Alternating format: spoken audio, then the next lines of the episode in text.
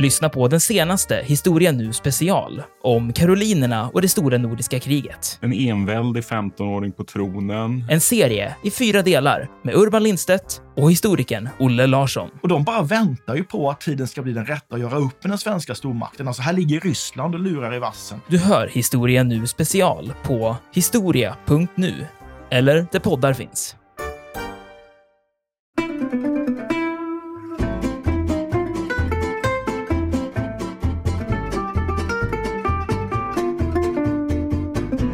Men han ska också som barn ha blivit varnad för ormar när han var ute och vandrade utanför Nyköpings slott.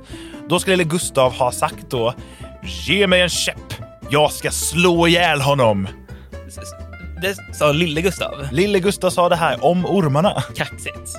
Verkligen.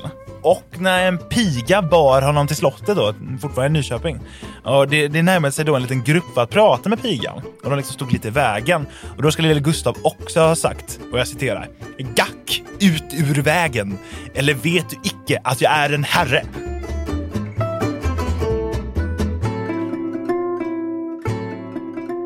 En oväntad historias sommarvikarier Aron Schurman och Viktor Wallén är två poddare som tagit allt för många akademiska poäng i historia.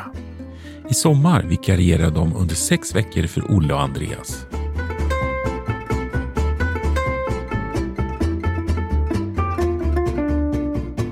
God dag Aron! Tjenare Viktor. Då var det dags för vårt sista sommaravsnitt som vikarier. Och idag ska vi prata om ingen mindre än Gustav II Adolf, lejonet från Norden. Mannen, myten, legenden. En ära att få ta honom för det här sista avsnittet, måste jag säga. Om man har brytt sig det minsta om svensk historia, då har man med all säkerhet stött på hans namn. Hans fälttåg gjorde Sverige till stormakt. Och Östersjön, det blev alltså nästan en sjö mitt i storriket Sverige. Under en kort period såklart, bör understrykas. Ja, man brukar ju faktiskt räkna stormaktstiden som en period som varade i ungefär 100 år. Eh, från 1611, då Gustav Adolf stiger upp på tronen, till 1721, då freden i Nystad sätter stopp för det stora nordiska kriget och Sveriges krigsmakt och krigskassa är båda helt uttömda. Och kvar står Sverige som ett utarmat land. Och som du säger, det hela börjar med att Gustav tar kronan 1611. Men eh, det datum som jag och jag tror många andra minns absolut bäst, det man känner igen med Gustav II Adolf, det är hans dödsdag, den 6 november 1632. Det var ju då han stupade i Lützen. Ja, det är dagen då vi äter bakelse i hans minne. Men det är något som jag alltid tyckt varit liksom lite konstigt. Mhm. Det är välkänt att Gustav red ut på ett väldigt dimmigt slagfält i Lützen. Krutröken låg tung ihop med en dimma som svepte in med vinden. Har man hört. Har man hört. Mm. Och dessutom hade Gustav II Adolf alltså väldigt dålig syn. Eh, Och ändå skulle han leda det småländska kavalleriet mot den tyska kejsarens armé. Alltså, han hade inte ens på sig sin bröstplåt när han red ut där. Mm. Det låter lite frösat, men eh, om jag ber dig tala ur skägget nu, Viktor, vad, vad är det du undrar över egentligen? Jo, hur kan Sveriges viktigaste person kasta sig in i livsfara trots att han vet att om han dör så blir det kris för hela landet? Dessutom var ju Gustav Adolf en nyckelperson i koalitionen mot den tyske kejsaren under 30-åriga kriget. Så hans död orsakade också internationell osäkerhet. Och det här visste han ju säkert också. Ändå stod han där mitt i stridslinjen och lät sig bli skjuten på. Just det, jag är med på vad du menar. Och Det är klart man undrar då. Liksom. För det ska sägas, han blir alltså skjuten flertalet gånger där ute i Lützens väldigt tunga dimma. Och man hittar hans lik plundrat och trampat på. Och det skulle jag säga, jag tror du håller med mig, att det är inte en död värdig för en kung. Ja, alltså inte värdig död, men också en dum död, vill jag hävda. Alltså, vad gjorde han på slagfältet överhuvudtaget? Det brukar beskrivas som att hans närvaro liksom höjde moralen hos soldaterna. Men vid den tiden, på 1632, så alltså var de flesta generaler på säkert avstånd från gevärsskott och sablar och pikar och allt vad det var. Det blir viktigt att ha en översikt över slagfältet och att kunna svara snabbt på motoffensiver från fienden. Eh, man behöver inte längre visa hur stark man var i strid och envig och så. Liksom. Man behöver inte vara nere i gyttjan med dålig sikt. Du behövde vara där du kunde se hela slagfältet istället. Och då där du inte riskerar att dö, vilket ju alltid är ett stort plus om man är befälhavare.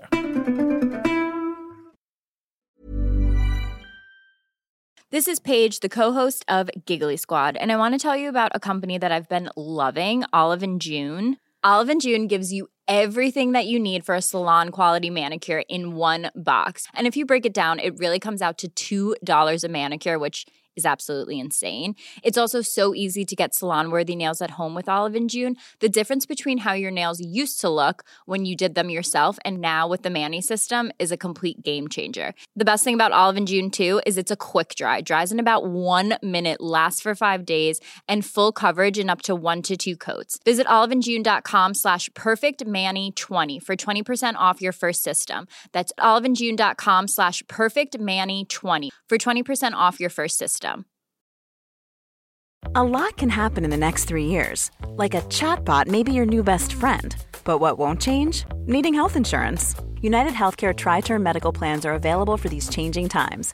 Underwritten by Golden Rule Insurance Company, they offer budget friendly, flexible coverage for people who are in between jobs or missed open enrollment. The plans last nearly three years in some states, with access to a nationwide network of doctors and hospitals. So, for whatever tomorrow brings, United Healthcare Tri Term Medical Plans may be for you. Learn more at uh1.com. Quality sleep is essential. That's why the Sleep Number Smart Bed is designed for your ever evolving sleep needs. Need a bed that's firmer or softer on either side? Helps you sleep at a comfortable temperature? Sleep Number Smart Beds let you individualize your comfort so you sleep better together. JD Power ranks Sleep Number number 1 in customer satisfaction with mattresses purchased in-store. And now, save 50% on the Sleep Number limited edition Smart Bed for a limited time. For JD Power 2023 award information, visit jdpower.com/awards. Only at a Sleep Number store or sleepnumber.com.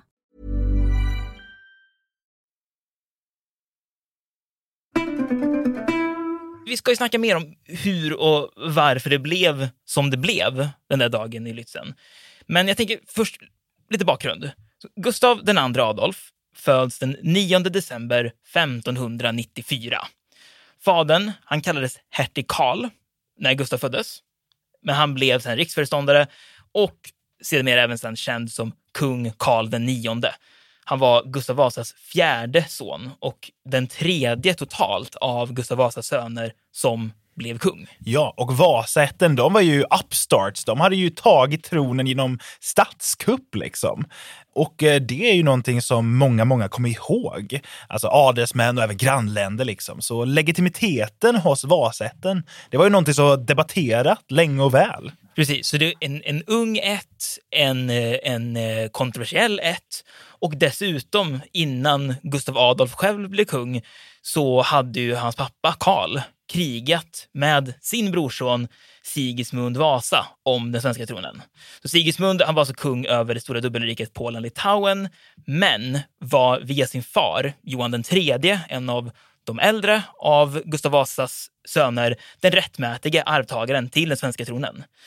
Så Sigismund hade varit kung över Sverige ett kort tag, men det luriga var att han var katolik och hans katolska tro hade fått stora delar av den protestantiska eliten i Sverige att sätta sig emot honom. Det är ju som känt Gustav Vasa som för in protestantismen. Ja. Så det här utnyttjar ju hertig Karl till sin fördel för att sakta men säkert knuffa av honom från tronen. Ja, knuffa är ju lite över underdrift. Va? Det var ju krig som gällde.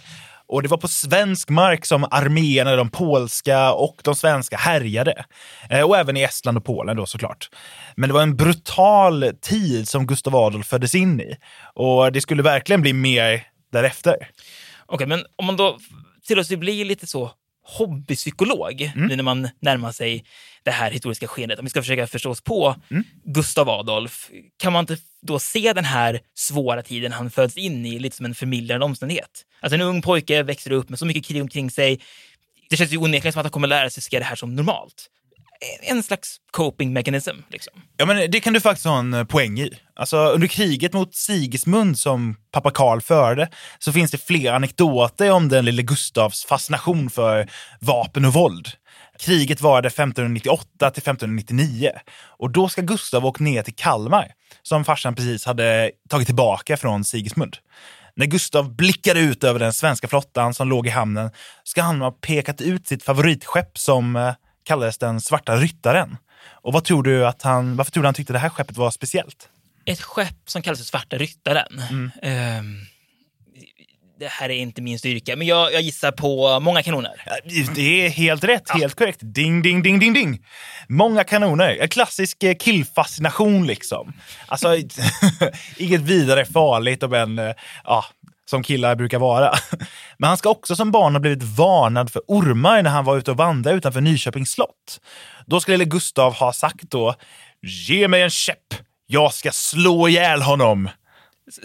Det sa lille Gustav. Lille Gustav sa det här om ormarna. Kaxigt. Verkligen. Och när en piga bar honom till slottet, då, fortfarande i Nyköping, och det, det närmade sig då en liten grupp för att prata med pigan. Och de liksom stod lite i vägen. Och då skulle lille Gustav också ha sagt, och jag citerar, Gack ut ur vägen, eller vet du icke att jag är en herre? Slutcitat. Ah, Han visste sin status. Det kan man verkligen inte ta ifrån honom på något sätt. Verkligen. Behöver det nödvändigtvis betyda att han är dumdristig och riskerar sitt liv för ingenting sen han är vuxen? Eller kan det finnas andra faktorer där? Ja, alltså han är ju bara ett barn fortfarande. Vi kanske inte ska dra så stora liksom så här, Växlar. Eh, exakt, ännu. Men vad man kanske kan ta med sig är att Gustav, likt många barn, uppfostras med tanken att krig, det är någonting normalt och det är någonting häftigt där man kan bevisa sig. Och han vet om att hans ord är alltså så nära på lag som man kan komma för en person som inte är envåldshärskare. Han får göra nästan vad han vill. Precis, och det ska verkligen sägas här, vid den här tidpunkten i stormaktstiden, då kan inte Sveriges kung bestämma hur som helst. Det kommer först senare, runt eh, Karl XI och Karl XII med eh, envåldet Exakt. på slutet av 1600-talet. Precis. Så här vid sekelskiftet 1600 så behöver kungen istället samarbeta med adelsmännen, prästerna, borgarna och bönderna för att driva politik och utöva makt. Eh, Jag pratar om den svenska riksdagen då. Liksom. Du kanske har hört talas om det, Aron. Eh, Men vid den här tiden så är den svenska riksdagen rätt så unik i Europa. Men vad som hände är att efter att Gustav Vasa då, han, han har tagit över, han har gjort sin lilla statskupp och han började då reformera stora delar av den svenska byråkratin. Han började faktiskt ta utvidga den rätt så mycket. Och då har det blivit så att adelsmännen har blivit mindre inriktade på att vara hertiga, sitta ute på sina stora gods och styra. Och de har blivit mer inställda på att ha höga, välbetalda poster inom den här växande svenska administrationen. Så för att förenkla liksom, så får kungen stöd från adelsmännen genom att positionera dem högt upp i den här byråkratiska vad kan man säga, karriärstegen. Eh, och det ger ju honom stöd. Så det är en win-win för båda parter. Men viktigt att komma ihåg är att för att kungafamiljen ska behålla sin makt så behöver det alltid finnas en myndig och stark person på tronen så inte adelsmännen kommer och käkar upp all makt.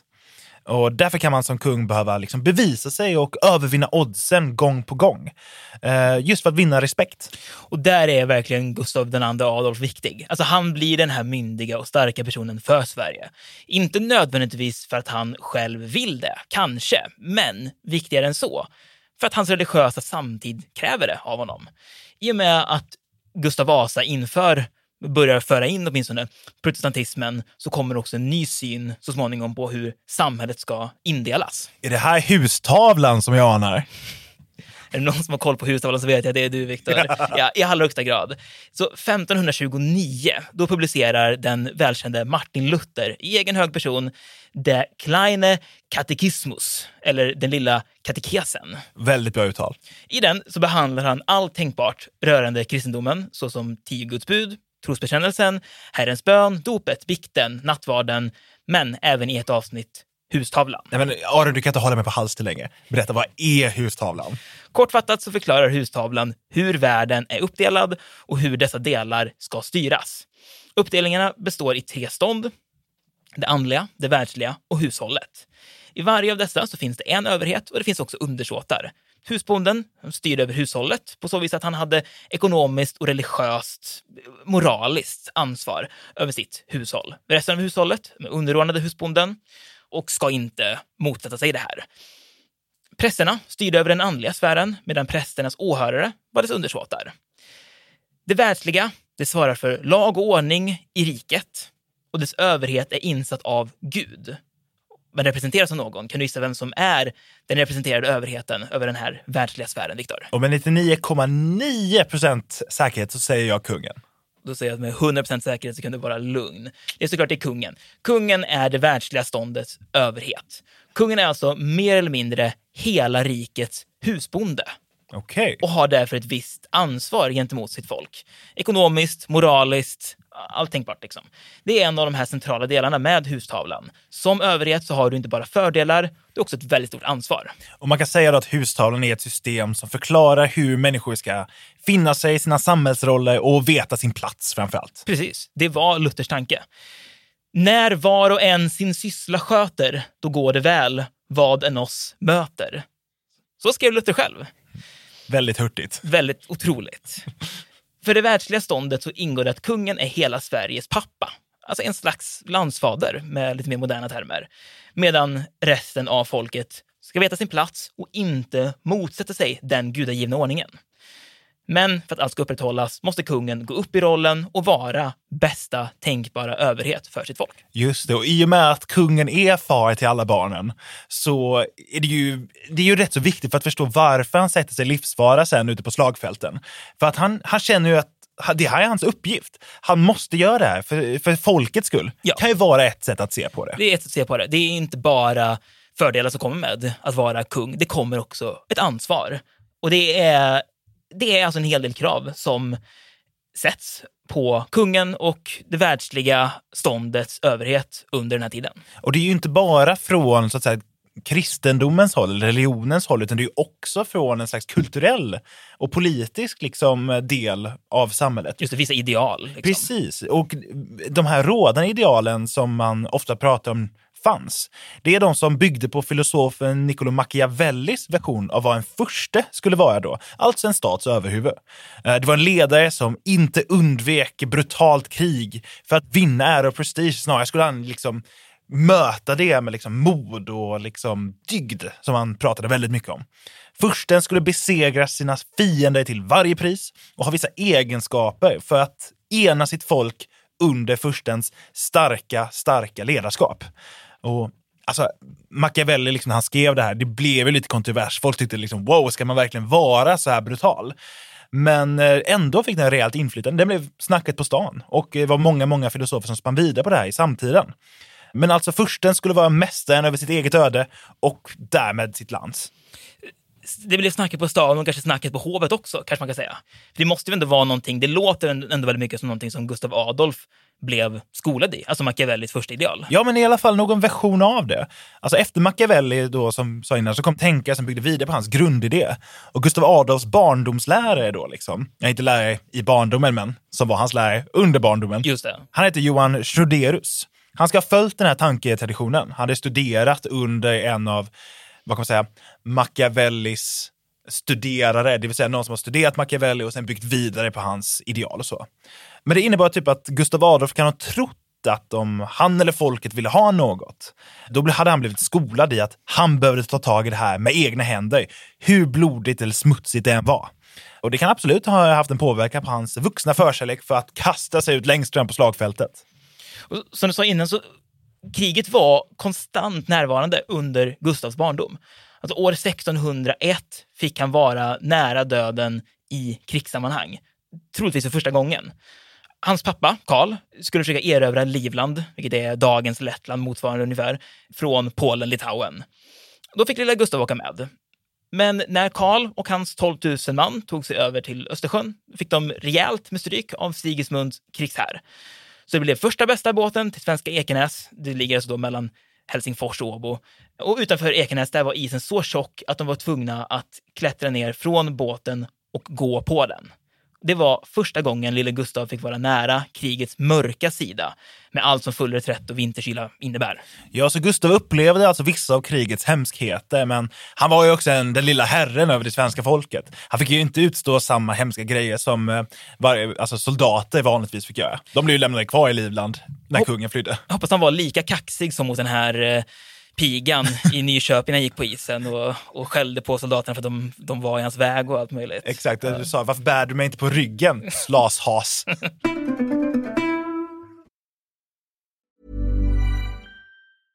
Ready to pop the question? The jewelers at BlueNile.com have got sparkle down to a science with beautiful lab grown diamonds worthy of your most brilliant moments. Their lab grown diamonds are independently graded and guaranteed identical to natural diamonds, and they're ready to ship to your door. Go to Bluenile.com and use promo code LISTEN to get $50 off your purchase of $500 or more. That's code LISTEN at Bluenile.com for $50 off. Bluenile.com code LISTEN. Ryan Reynolds here from Mint Mobile. With the price of just about everything going up during inflation, we thought we'd bring our prices down. So to help us, we brought in a reverse auctioneer, which is apparently a thing.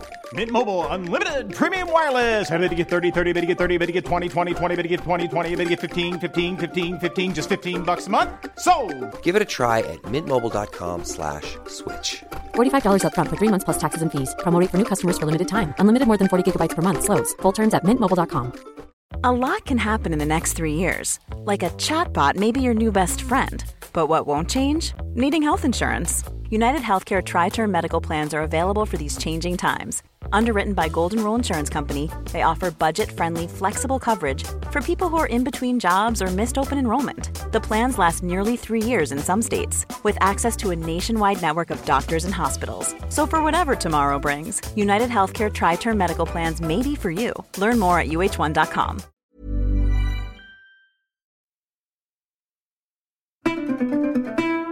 Han var sannoliken den viktigaste pojken i riket, absolut.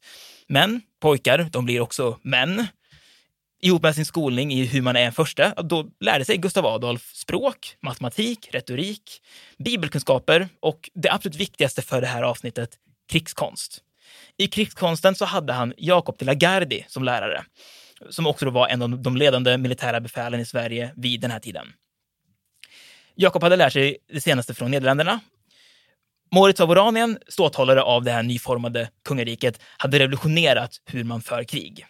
Han introducerade att alla musköter avfyrade sina gevär samtidigt, höll disciplin högt för att utföra komplexa taktiker på slagfältet och dessutom gjorde regementen mindre för högre mobilitet. Allt detta det tog Gustav Adolf till sig när han drog i krig första gången. Och det gjorde han redan när han var en 15-årig prins. Danskarna hade startat det så kallade Kalmarkriget eh, den 4 april 1611. Eh, och det utspelade sig då mest runt Kalmar, som man hör på namnet. Under kriget så ledde Gustav flera lyckade anfall mot bland annat den danska staden Kristianopel, som inte är att förväxla med Konstantinopel. Men eh, förutom Kristianopel så attackerade han även Öland. Och han, fick, vann, han vann de här olika slagen och vann belägringarna. Och han plundrade också Kristianopel något riktigt rejält så att svenskarna kunde få en krigskassa på köpet. Det låter som att han kanske ha, kan ha fått mer smak av de här framgångarna. Det kan ju också förklara hans krigiskhet som kickar in senare mot 30-åriga kriget där. Och men också som något en machiavellisk furste skulle göra. Det låter som en blandning av militär kompetens och någon form av brutalitet. Vilket jag antar säkert gjorde att han gärna var längst fram vid stridslinjerna. Och det är ju någonting som alltid återkommer när man läser liksom om Gustav II Adolf. Han är en klipsk, smart, rapp person och han visar det på fester, i politiken, i riksdagen och i krig. Framför allt i krig. När han tar tronen då, år 1611, då pappa Karl hade dött, då får Gustav ge upp en hel del av sin makt till det kungliga rådet. Pappa Karl hade styrt lite väl egensinnigt, tyckte de. Alltså rådet och ständerna i riket. Och på lång sikt kan man beskriva det som att resultatet av att Gustav Adolf går på tronen, han får göra lite löften till adelsmännen om att jag ska agera på si och så sättet och så liksom. Men det som många historiker har lagt fasta vid är att det delas upp. Styrandet av staten delas upp mellan Gustav II Adolf och adelsmannen Axel Oxenstierna. Gustav Adolf, han tar och hänger sig helt till att bygga en krigsapparat, till att skydda och expandera riket, framför allt då genom krigsföring. Oxenstierna däremot, han hänger sig helt till att administrera och stärka riket med målet att den svenska staten ska bli helt enkelt bättre på att föra krig och bli så stabil som möjligt. Det är tråkigt om det sker ett uppror eller skatter inte kommer in som de ska, medans landsfader Gustav är iväg och härjar. Ett riktigt administrativt ankare kan man verkligen säga om, Absolut. om Oxenstierna som, som ständigt är där och håller finanserna i check. Det är det här som gör det möjligt sen för Sverige att etablera sig som en europeisk stormakt. Men när Gustav Adolf sen ger sig ut i fält igen, då är det främst mot Polen-Litauen. Det är ständigt de, verkligen. Där testas den här svenska krigsapparaten, som Gustav Adolf reformerat. Han har infört indelningsverket, men får då bruka jord i utbyte mot att de ska stå redo för att dra ut i krig. Och krig var det hela tiden. Det, precis. Han förminskar regementsstorleken för mer rörlighet, blandar pikar med musköter och han ser till att Sverige får ett litet men användbart artilleri. Bara för att nämna några av de här grejerna som, som Gustav Adolf gör. Och han kan verkligen konsten att använda den här krigsapparaten. Va? Han går runda för runda med Polen-Litauen som får understöd av den tyske kejsaren. Och det här sker då år 1625. Det är den här enorma konflikten som kallas 30-åriga kriget, härjar över nästan hela Europa. Och än så länge så är inte Sverige med i det här kriget. Men ändå så kommer några tyska kejserliga soldater över till Polen, Litauen och bistår dem. Men 30-åriga kriget då, för att bara blicka lite utåt, det står mellan protestanter och katoliker, i alla fall på pappret. Frankrike är på protestanternas sida för att de vill bräcka ätten Habsburg som styr över hela Europa. När man hör Habsburg ska man tänka tyska kejsaren. Det är alltså de som stöttar Polen mot Sverige. Precis.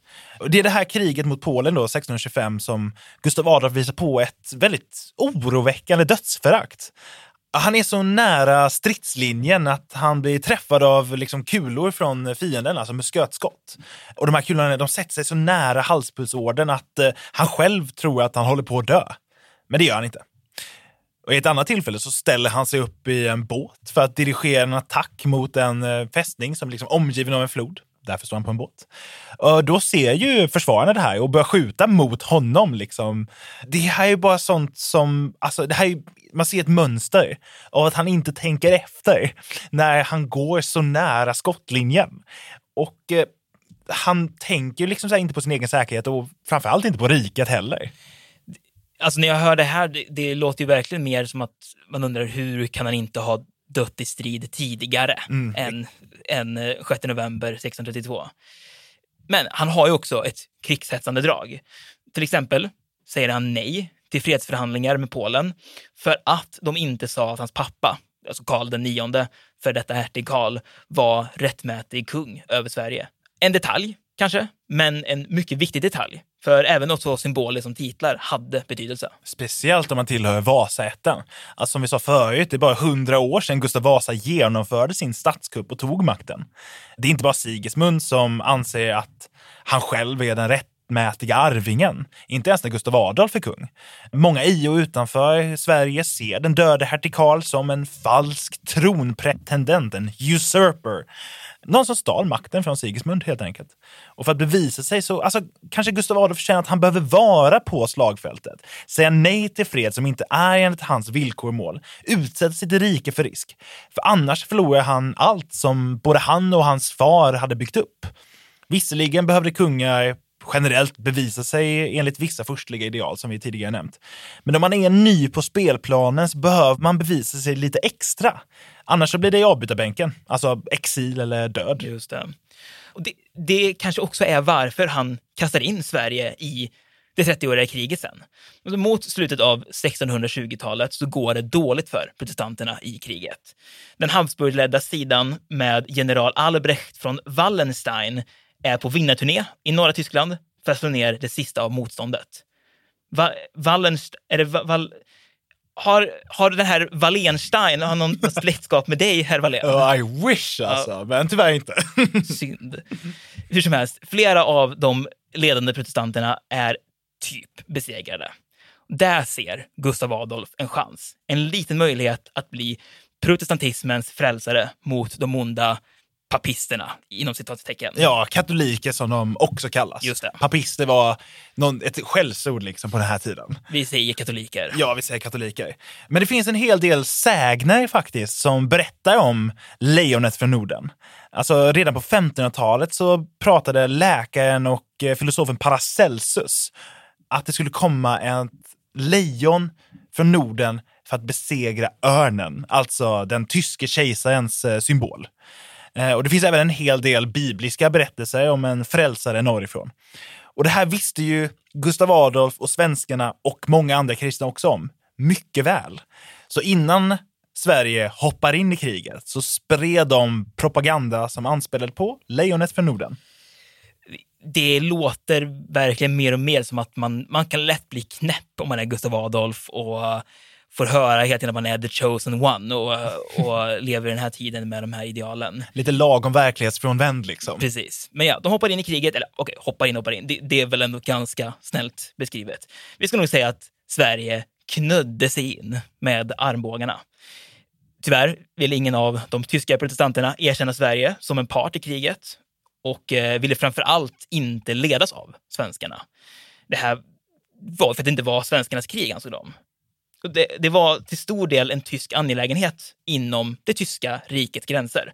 Så man kanske tycker det är lite konstigt att här kommer Sverige utifrån och ska in och knö sig in. Precis. Och om man inte en del av det tyska riket, som till exempel Danmark var genom sin besittning i Holstein, då fick man vackert vänta utanför. Tyckte de ja. Men de hade ju inte träffat Gustav den andre Adolf.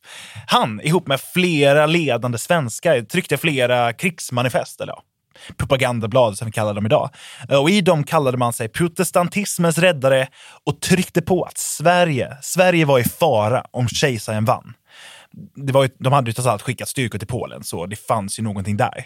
Eh, och det var en skymf då, de här tusen, eh, par tusen soldaterna som hade stridit mot svenskarna i Polen. En slags subtil krigsförklaring kan man se det som. Det är i alla fall vad krigsmanifesten sa. Så det här var tillräckligt för att svenskarna, de behövde allt få hämnd för vad som tidigare hade åstadmakats dem från kejsaren. Så det finns en hel del anledningar till att Gustav Adolf behöver bevisa sig. Inga andra första tror på honom. Mm. Sen så fanns det också målet och idén om att Östersjön skulle vara svenskt och att Sverige därmed skulle kunna äga all handel i Östersjön. Sverige är här i mångt och mycket synonymt med Gustav Adolf. Kungen är liksom vår posterboy mot resten av världen. Och det är vår posterboy som leder in den här svenska hären i Tyskland mot kejsaren. Och det är just det här, de lärde, alltså, de tvistar redigt och länge om det är hans egna ambitioner eller ett faktiskt hot från kejsaren som drar in Sverige i kriget. Men man kan nog se det som en blandning av båda. Mm, verkligen. Han är ju på slagfältet på eget bevåg. Jajamän. Och eh, alltså, många har ju pratat om hans segrar och förluster under 30-åriga kriget. Så vi kan nämna några lite kort. Första eh, som vi kan nämna är Frankfurt an der Ober, en stad i eh, Tyskland. Inte storstaden som ligger i sydvästra Tyskland, utan en mindre stad som ligger 80 kilometer öster om Berlin ungefär. Det intogs den 3 april 1631 och plundrades grundligt och eh, rejält. Och genom allianser och med och löften om försvar mot det katolska hotet så fick han staden Magdeburg då, alltså Gustav Adolf, han fick eh, staden att undvika kapitulation så länge att eh, majoriteten av staden helt enkelt brändes ner av katolikerna som tröttnade på belägringen. Han tvingade sin svåger, kurfursten av Brandenburg, att bistå den svenska armén i en grad som var bortom kurfurstens politiska bekvämlighet. Hur menar du med bortom politisk bekvämlighet? Alltså han ville inte bli indragen i konflikten, den här fursten av Brandenburg. Men det blev han ändå, tack vare Gurra G. Men alltså Gustavs kronjuvel, hans VM 94, det var slaget vid Breitenfeld. På de saxiska fälten besegrade han, ihop med sina allierade, saxarna, den oövervinnliga kejserliga armén som hade slagit ner alla protestanter innan Gustav II Adolf kom. Och Gustav, han ledde segern från högerflanken på armén. Hade han gett sig in i striden? Alltså, alltså gett sig in så nära i den här högerflank? Ja, nej, alltså här hade han faktiskt liksom så här, hållit sig lite bortom. Men det finns vittnen om att han, alltså så här, annars saknade den snilleblixten, att han liksom var lite i bakgrunden och översikt. Eh, en skotsk generallöjtnant eh, som var i den svenska armén, han berättade att Gustav Adolf under en vinterbelägring innan Breitenfeld hade inspekterat belägringsverken, alltså kanoner och alla olika vallar som han hade byggt upp. Liksom. Han hade gått så nära de här belägringsverken att han inte märkte att han stod på is och eh, föll rakt igenom. Fienden då, i det här fortet då, som de skulle belägra, hade sett det här och började skjuta mot Gustav Adolf. Och när folk liksom gick fram för att hjälpa honom och liksom, herregud, vi måste ju rädda vår kung. Då hade han sagt nej, absolut inte. Tagit upp sig själv ur isvaken och gick och värmde sig, bytte kläder och åt lite. Men sen Aron, sen gav han sig lik förbaskad ut och var nära stridslinjen igen utan att ha lärt sig ett dugg. Låter som att mönstret bara fortsätter hålla i sig. The gift that keeps on giving. Sen var han väldigt impulsiv och hade nära till förhastade beslut, kungen Gustav Adolf. Efter Breitenfeld så var han vid höjden av sin makt. Han hade alltså nästan alla protestantiska förstars militära och ekonomiska stöd. Kejsarens sida fruktade honom Ändå så var han småaktig och blev lätt arg. En tjänare, Erik Rålamb, beordrades av Gustav att servera vid en bjudning med några tyska furstar. Erik hade tyvärr skurit sig så illa i handen att han inte kunde det och satt till bords istället. Istället för att reagera sunt och rimligt, kan man väl ändå säga, så blev kungen så arg att han slog honom i bojor och sedan slog honom så hårt i ansiktet med sitt svärdhandtag att svärdet gick sönder. Aj!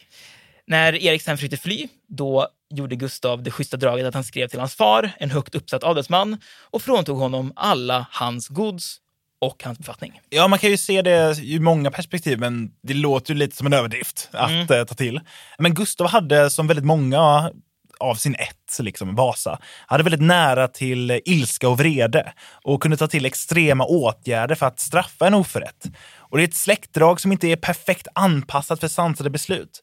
Och det är också någonting som kan ha lett liksom, till att han gick ut i fronten, ledde det småländska kavalleriet, var lite överallt sen vid slaget vid Lützen och så småningom blev skjuten. Det låter ju inte så konstigt längre då.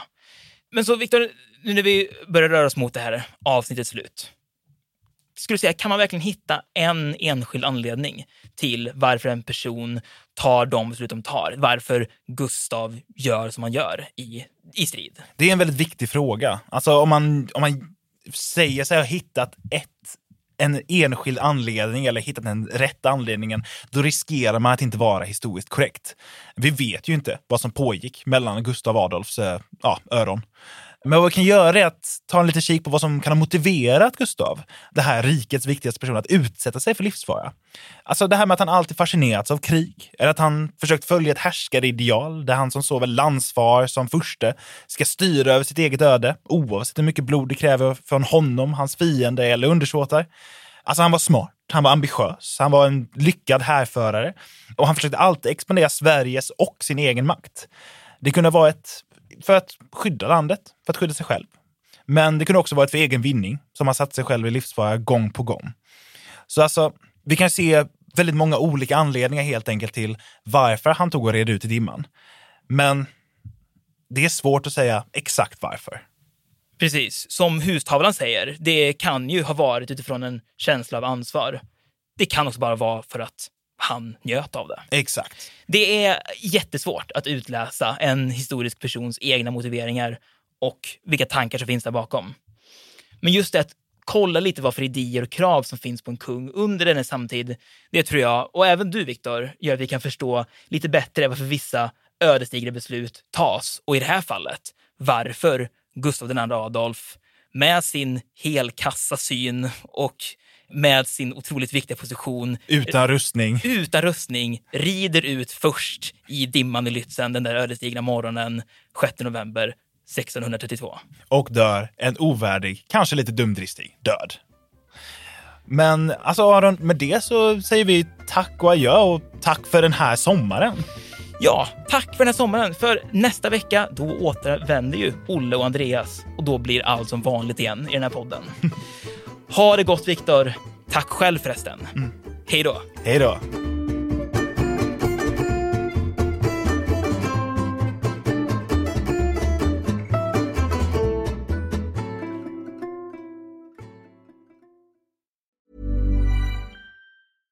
Hey, it's Paige DeSorbo from Giggly Squad. High quality fashion without the price tag. Say hello to Quince. I'm snagging high-end essentials like cozy cashmere sweaters, sleek leather jackets, fine jewelry, and so much more. With Quince being 50 to 80% less than similar brands. And they partner with factories that prioritize safe, ethical, and responsible manufacturing. I love that. Luxury quality within reach. Go to quince.com slash style to get free shipping and 365 day returns on your next order. Quince.com slash style. Mom deserves the best, and there's no better place to shop for Mother's Day than Whole Foods Market. They're your destination for unbeatable savings, from premium gifts to show-stopping flowers and irresistible desserts. Start by saving 33% with Prime on all body care and candles. Then get a 15-stem bunch of tulips for just $9.99 each with Prime. Round out Mom's menu with festive rosé, irresistible berry chantilly cake, and more special treats. Come celebrate Mother's Day at Whole Foods Market. Iran har under 1900-talet genomgått tre omvälvande revolutioner som orienterat landet antingen mot västerlandets modell eller mot en auktoritär styrelseform. Idag pågår en social revolution i landet som vänder sig mot det islamistiska styret och vars anhängare har Europa och väst som förebilder. I en viktig bok ger idéhistorikern Mohammad Faslashemi en djupare förståelse för dagens dramatiska händelseutveckling. Iran mellan tre revolutioner är utgiven av förlaget Historiska Media. Beställ den fysiska boken på förlagets hemsida historiskamedia.se eller köp den i en bokhandel nära dig.